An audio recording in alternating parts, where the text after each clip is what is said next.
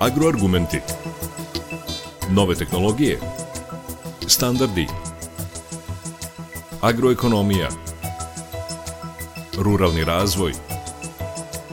Projekti. Investicije.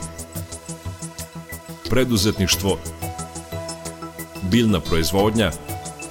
Stočarstvo. Agroargumenti. Uređuje Đorđe Simović.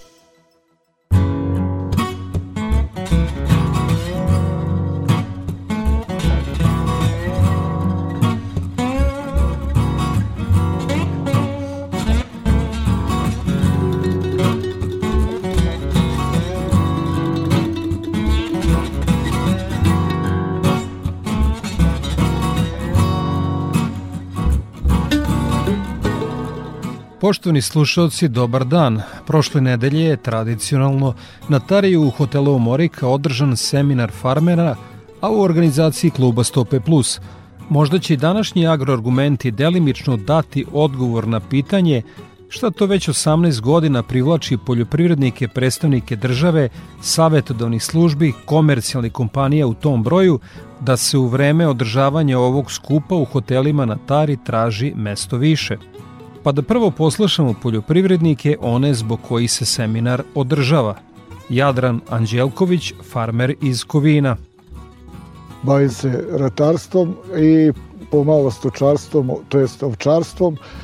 Ovde smo došli iz jednog jako pametnog razloga zato što su ovde sve neko, neke inovativne teme i mi znači od 2004. 5. ono kad smo prvi put kad sam došao mislim da je ovo motor koji je nas sve naterao da, da, da mi radimo, u stvari da učimo jedni od drugih. Učimo i od profesora i predavača, ali najviše možete da naučite kad, iskustveno, znači ili čak smo imamo i zimsku, letnju školu, znači ovo je zimska, ona letnja kada obilazimo gazdinstva i to ne može da se izmeri koliko je to dobro.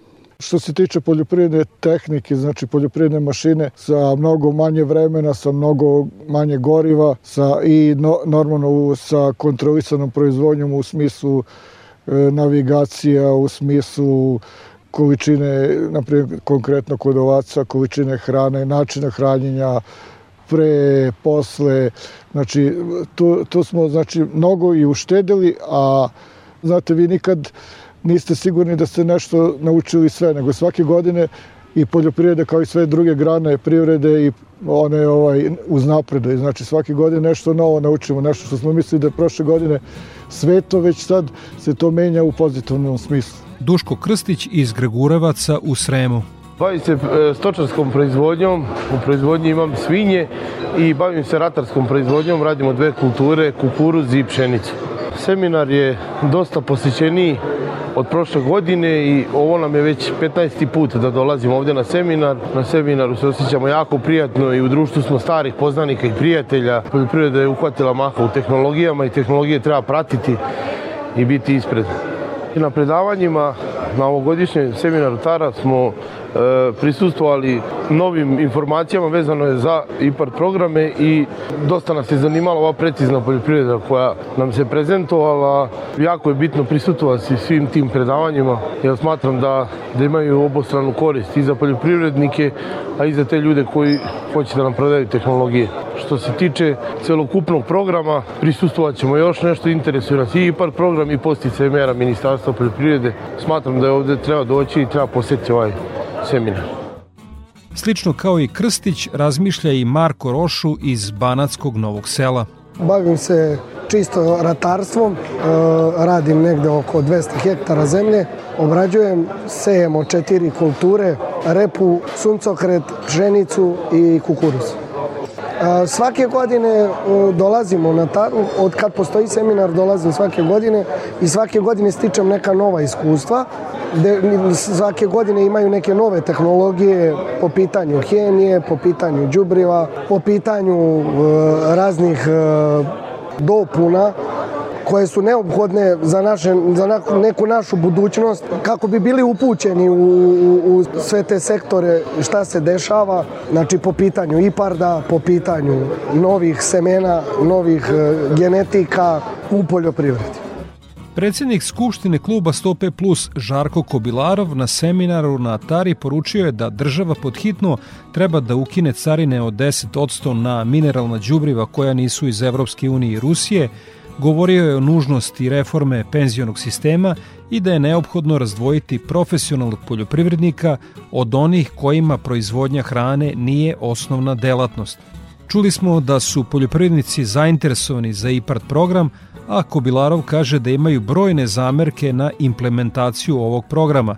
On je član odbora za praćenje IPARD-a. Sugestije su bile na odboru, znači da o, zadnji poziv iz IPARD-a 2 za nabavku traktora nije završen, znači da što kraćem roku se završi da bi mogo da krene IPAR 3, pogotovo je bitno kod tog poziva zato što se menjaju uslovi za konkurs za nabavku traktora. U IPARDu 2 je bilo znači do 50 hektara, u IPARDu 3 će biti preko 50 hektara i onda je veoma bitno da neko zna da li je prošao na IPARDu 2, da ne bi bio diskvalifikovan na IPARDu 3 ako prijavi da ispuni uslov za IPAR 3 preko 50 hektara. To je prvi uslov bio. Na tim je uh, ozbiljne zamerke su bile za zloupotrebu, a velik broj bodova su nosile žene. Tražimo da se smanji broj bodova, ne da se uh, diskvalifikuju, nego da se jednostavno smanji broj bodova za žene. Pa e, žene su nosile veliki broj bodova i došlo je do zloupotrebe. U zadnjem pozivu za traktor, na primjer, otprilike 90% je zahteva bilo na žene, jer bukvalno je ozbiljan poljoprivrednik koji se bavi poljoprivrednom nije mogao da ostvari taj broj bodova koliko je nosilo samo broj bodova za žene. Zatim smo tražili izmenu uh, kriterijuma za određivanje marginalnog područja, tu je bilo ovaj, na primjer 25 bodova u prošlom pozivu, pa je uh, jedan od kriterijuma bio opštine koje se naslanja nacionalni park, pa je po tom kriterijumu ispalo da je Indija, Sremska Mitrovica, Ruma, Beočin, da su uh, marginalna područja, što mislim da nema uh, logike, mi tražimo da za određivanje marginalno, da za određivanje marginalnog područja bude visina, nadmorska visina, mesta i po drugom kriterijumu da bude na 100, zapos, 100 građana neke opštine koliko ima zaposlenih i da to jedina dva kriterijuma budu za određivanje marginalnog područja. Zatim tražimo da se e, referentna cena mora znati da bude transparentna da bi neka ušao u investiciju mora da zna koja je to referentna cena u stvari u prevodu koji je to iznos novca koji će njemu biti vraćen po završetku investicije kad bude aplicirao za IPARD e, za nabavku mehanizacije ili već opreme, zgrade toga.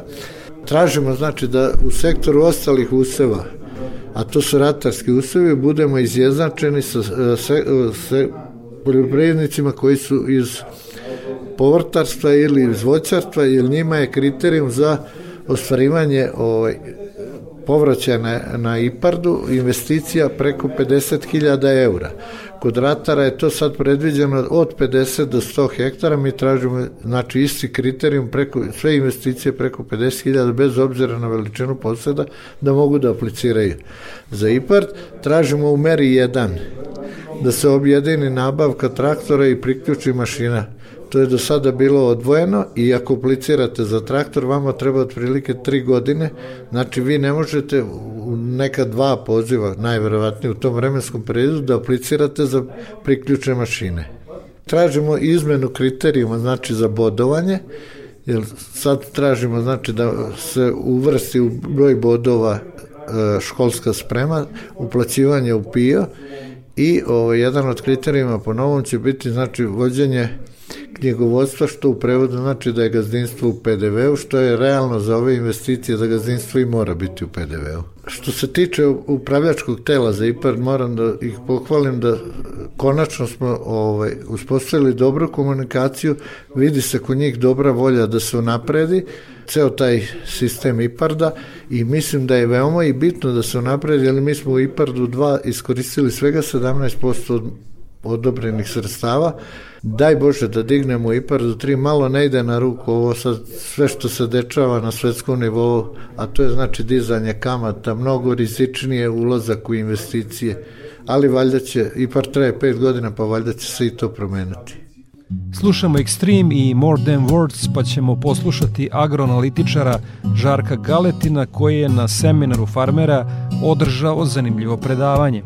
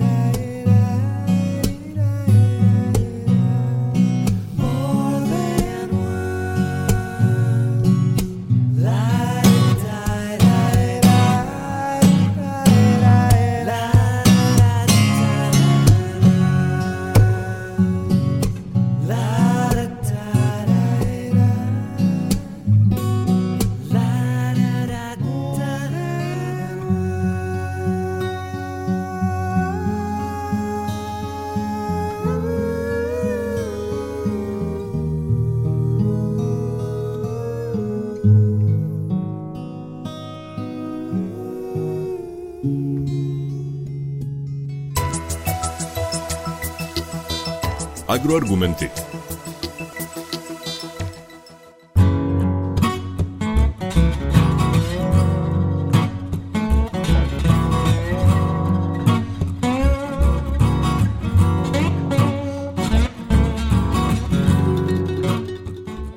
Na 18. seminaru farmera na Tari, agroanalitičar Žarko Galetin održao je predavanje nazvano Tržište hrane u 2022. i tržišne perspektive u 2023. Dešavanje u 2022. godini su jednostavno sve nas primorali da duboko razmislimo šta nas to čeka u 2023. godini, ili 2022. godina je zapamćena kao godina ekstremno visokih e, cena hrane, ekstremno visokih, čak istorijski najvećih cena hrane, najvećih cena energenata, pre svega gasa, potom i nafte, e, zapamćena po e, izuzetno velikoj inflaciji i to u zemljama eurozone, u Sjednjim američkim državama. Dakle, globalni procesi koji su toliko uticajni bili na sveukupna dešavanja dovela su praktično ceo svet u jednu veliku dilemu, jedna velika razmišljanja, jednu veliku bojazan i strah šta nas to može očekivati u 2023. godini. Svakako da su uh, okidači za sva ta dešavanja bili pre svega i prvo uh, korona kriza, a potom i rusko-ukrajinski sukob. Dakle, ta dva uh, te dve stvari, te dve uh, okolnosti koje su se desile u mnogome su poremetile uh, čitavu percepciju svetskog tržišta, ne samo hrane, već kažem i energenata i sektor financija. Promenili su kompletnu psihologiju tržišta i, i, i došli smo dakle do, do te mere je sve to bilo uzburkano da smo imali rekordno visok FAO indeks hrane u 2022. godini koji je najveći na godišnjem nivou kada se posmatra od kada se ova statistika ovog indeksa vodi od 1960. godine, što jednostavno znači da se u 2022. godini svet hranio najskupljom hranom.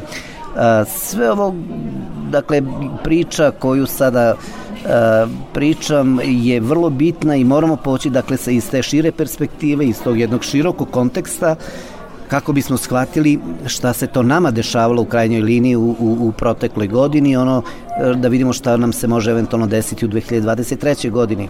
Dakle, ta dva velika potresa, te dve, te, ta dva velika generatora krize i, i svih tih dešavanja na, na ovim tržištima, kao što su korona kriza i rusko-ukrajinski sukob, jednostavno su promenili promenili su, da kažem, čitav, čitav svet, e, pomerili su način razmišljanja i na kraju krajeva doveli do situacije da, da smo imali da smo se suočili s činjenicom da neke svetske krovne institucije poput Svetske zdravstvene organizacije i Svetske trgovinske organizacije jednostavno nisu uspele da odgovore ovako velikom izazovu kao što su da pomenem ponovo još jednom, dakle korona kriza i taj rusko-ukrajinski sukob jednostavno su pokazale svu slabost funkcionisanja tog sistema.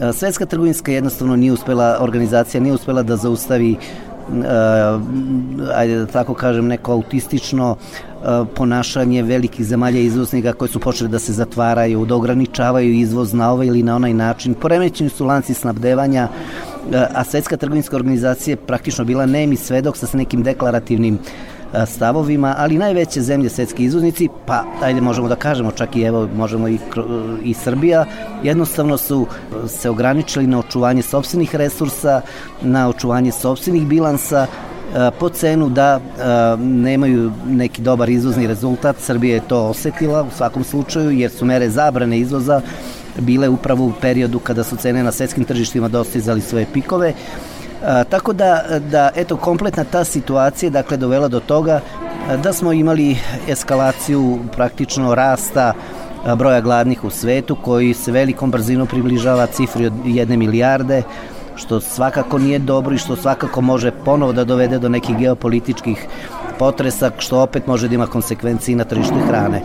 I da ne širim dalje priču, dakle, ovim globalnim svetskim trendovima i tendencijama i pojavama s kojima smo se sočili u 2022. godini, da kažemo šta je to što može u 2023. godini da nas očekuje. Mi smo već sada svedoci da se tržište energenata polako stabilizuje, da su cene sa tih ekstremno visokih i cenovnih istorijski najvećih tih pikova polako počele da padaju da je cena gasa praktično došla na nivo cene pre rusko-ukrajinskog sukoba, da su cene žitarica, tih berzanskih osnovnih bazičnih roba počele polako da padaju, ali ono što je problem jeste da što sada praktično svi osjećamo neke, ako mogu tako da kažem, recidive i posledice sveg tog dešavanja, da mi dalje imamo rast cena hrane, ajde da kažem u prodavnicama, što najviše osjeća naše stanovništvo i što se najviše odražava na standard našeg stanovništva s jedne strane, sa druge strane čini mi se da tek sada dolazi taj nalet krize u finansijskom sektoru, imamo povećanja recimo Euribora, zatim referentne kamatne stope u Srbiji, što je samo dokaz da finansijski sektor ulazi u problem, da ćemo se suočiti sa skupim kreditima, što opet može najviše da se odrazi na poljoprivredu, na organizaciju, pripremu i dobro sprovedenu setvu koja nas čeka na proleće. Sreće u nesreći je što je ipak došlo do nekog pada cena mineralnih đubriva, ali neke najave da će tržište mineralnih đubriva ponovo ući u problem u februaru i martu mesecu, ponovo ulivaju neku zemlju našim poljoprivrednicima. U svakom slučaju očekuje se jedna neizvesna, neizvesna 2023. godina sa potpuno neiz, nejasnim perspektivama, ali u svakom slučaju cene poljoprivrednih proizvoda moj utisak neće nastaviti sa nekim daljim padom i dalje će se ne zadržati na jednom relativno visokom nivou i varirati sad u zavisnosti od jačine uticajnosti pojedinih faktora na tržištu hrane. Kakvu poruku Kina šalje stvarajući ogromne zalihe žitarice i uljarice? Šta nam to govori?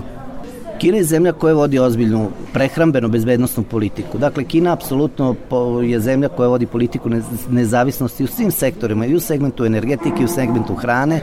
Dakle, Kina je zemlja koja neće da zavisi od takvih od takvih uh, potresa i, i, i takvih, uh, takvih poremećaja kao što smo recimo u 2022. godini. Kina taj problem nije osetila pogotovo kod onih roba gde je uvozno zavisna, a to su žitarice, to je recimo soja, manje kod ostalih i pirinače žitarica, jer Kina je najveći proizvođač pirinči, zadovolja sve, ali kod ovih roba, dakle, ona jednostavno vodi politiku visokih zaliha i to svakako vrlo bitno utiče, utiče na na, na, na, čit, na kretanje tih komoditi, berzanskih roba na čitom svetskom tržištu. Ja ću podsjetiti da je Kina Kina drži negde oko 65-70% svetskih zaliha pšenice.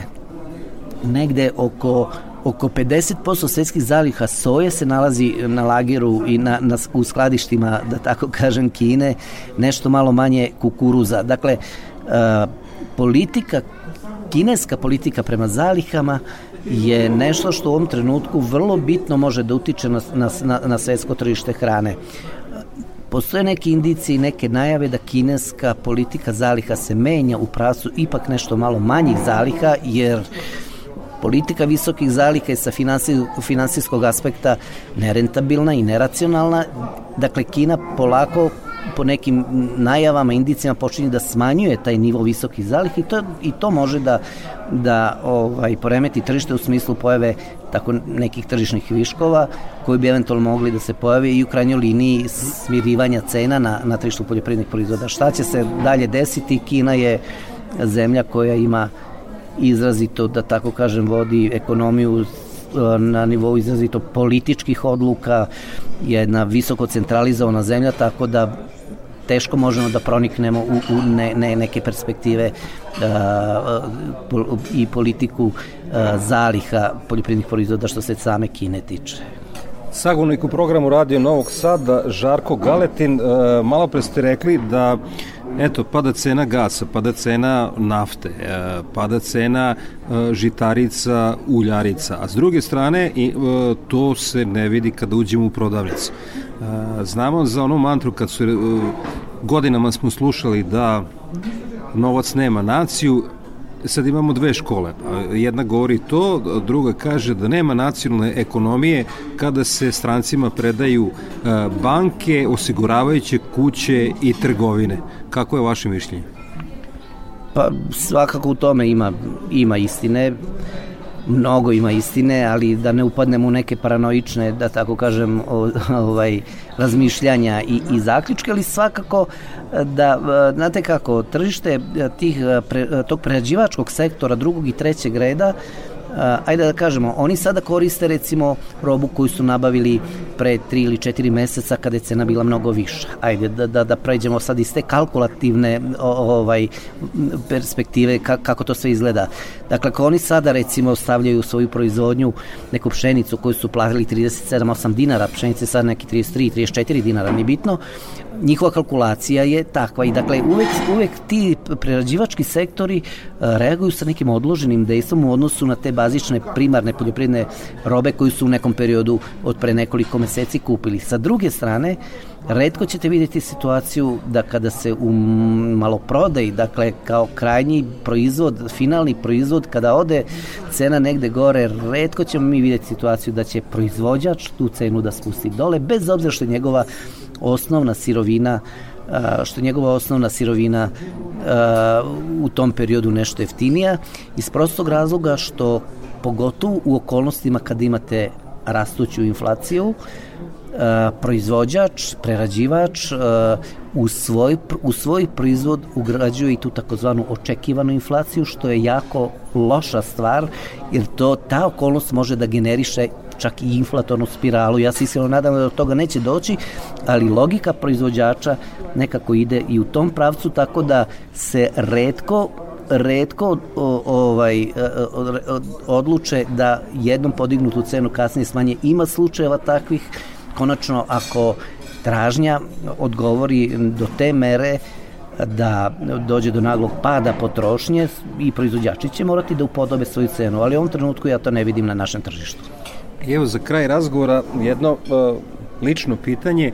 Dakle, uh, kada pogledamo naše uh, medije, radio, televiziju, društvene mreže, na ove teme uglavnom možemo da čujemo vas i još ruku na srce dvojicu, trojicu agranih analitičara. Zašto nema više ljudi koji govore kao vi? Znamo da imamo agroekonomske smerove i na ekonomskom fakultetu i na poljoprivrednom fakultetu, ali e, ima e, malo zaključaka na bazi analize baš ono na čemu vi radite i na čemu vas javnost prepoznaje. Pa ne znam, ja bih se prvo vama zahvalio na tome što na takav način razmišljate o meni kao čoveku koji se bavi ovom strukom, da kažem, analitikom te vrste. Pa ne znam, eto, nisam nešto mnogo ni razmišljao na tu temu, ali u nekom periodu ja se sećam da je uh, agroekonomski smer de, momci koji su pohađali, jel, išli na agroekonomiju, da su dolazili, na primjer, na tu, da kažem, praksu i na predavanja u produktnu berzu u Novi Sad, gde su imali primere takve neke analize, pogotovo te takozvane tehničke analize koje smo inače primjenjivali na produktnoj berzi i da je to a, a, zbog čega se ne posvećuju dovoljno ovome, ne znam, ovo je vrlo jedna, da kažem, interesantna, živa stvar koja se menja iz dana u dan, gde se gde, gde, gde se okolnosti na svetskom tržištu i na domaćem tržištu toliko brzo menjaju, toliko dinamično menjaju i na kraju kreva to je jedna stvar koja veoma interesuje naše poljoprivredne proizvođače, ko, u krajnjoj liniji zbog kojih sve to i radimo. Ta priča nije priča zbog priče, već priča zbog uh, onih koji uh, se bave proizvodnjom da jednostavno mogu da im pomognemo na neki način, da im indiciramo kako da napravimo svoju neku tržišnu strategiju, kada da da prodaju svoju robu, kada da lageraju i tako dalje, jednostavno da naprave neku svoju svoj neki terminski plan prodaje, proizvoda, čuvanja, do koje mere, kada, koliko. Naravno, niko to ne može decidirano da kaže isključivo sa, sa, sa nekom konačnom istinom, ali svakako da možemo da im pomognemo u tome. I sad zašto se više ljudi ne bavi tom tematikom, sad ste me malo zatekli ovim pitanjem, jednostavno nisam mnogo razmišljao, možda zato što sam suviše posvećen time kako, kako ću ja to da uradim i kako ja tome prilazim, ali verujem da ima kapaciteta u mladim ljudima i da ima interesa, možda je i greška u samom sistemu ajde da kažem školstva, u samom sistemu, u, u, u programu pojedinih ustanova koje se bave tim, e, obučavaju decu jel, u, u tom pravcu neke agroekonomske ove sfere, tako da ne znam, ja se nadam da, da, da i ovakvi istupi moji i mojih kolega kojih ima ovaj u Srbiji, što ste vi rekli, ne veliki broj, da mogu da ih inspirišu da se bave tim tom problematikom i, i, i tom vrstom analitike. Gost u programu Radio Novog Sada bio je Žarko Galetin, agroanalitičar. Hvala još jednom od srca. Hvala i vama.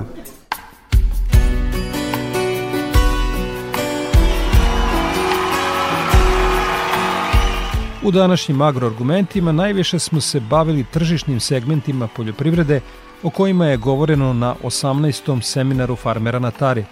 Uz to u stručnom delu ovog skupa pažnja je posvećena konceptu precizne poljoprivrede, upotrebi robota u agraru, održivoj poljoprivredi, komasaciji poljoprivrednog zemljišta, opremi za mehaničku kontrolu korova u ratarskim usevima i mnogim drugim. Za kraj emisije slušamo Eaglese i pesmu Hotel Kalifornija. Ja sam Đorđe Simović i pozivam vas da ostanete uz Radio Novi Sad. Svako dobro!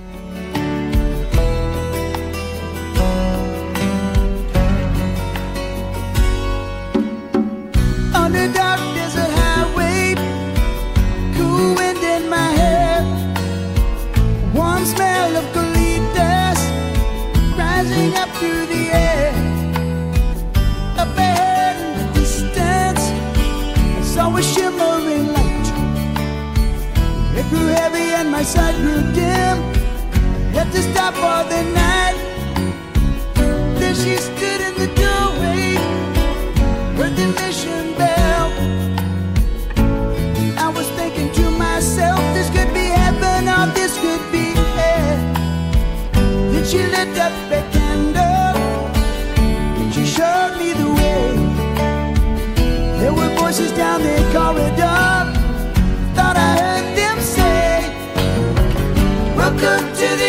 Hotel California. Such a lovely place, such a lovely place, such a lovely face. There's plenty of room at the Hotel California.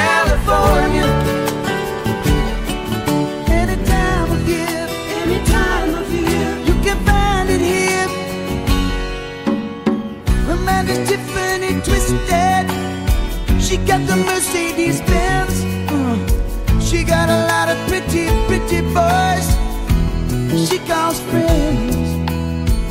How they dance in the courtyard. Sweet summer sweat. Some dance to remember. Some dance to forget. So I called up the captain. Please bring me my wine. He said, We haven't had that spirit here since 1969.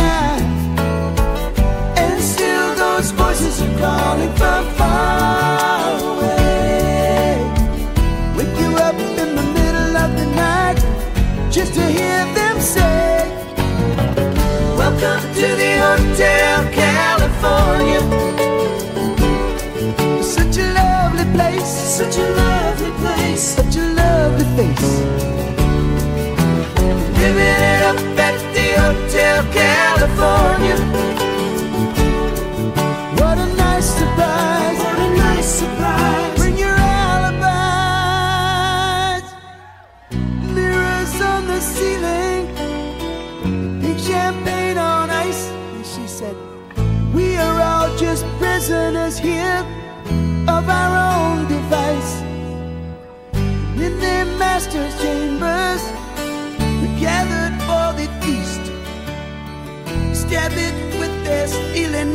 But they just can't kill the beast. Last thing I remember, I was running for the door. I had to find the passage back to the place I was before. At the we are programmed to receive. You can check out any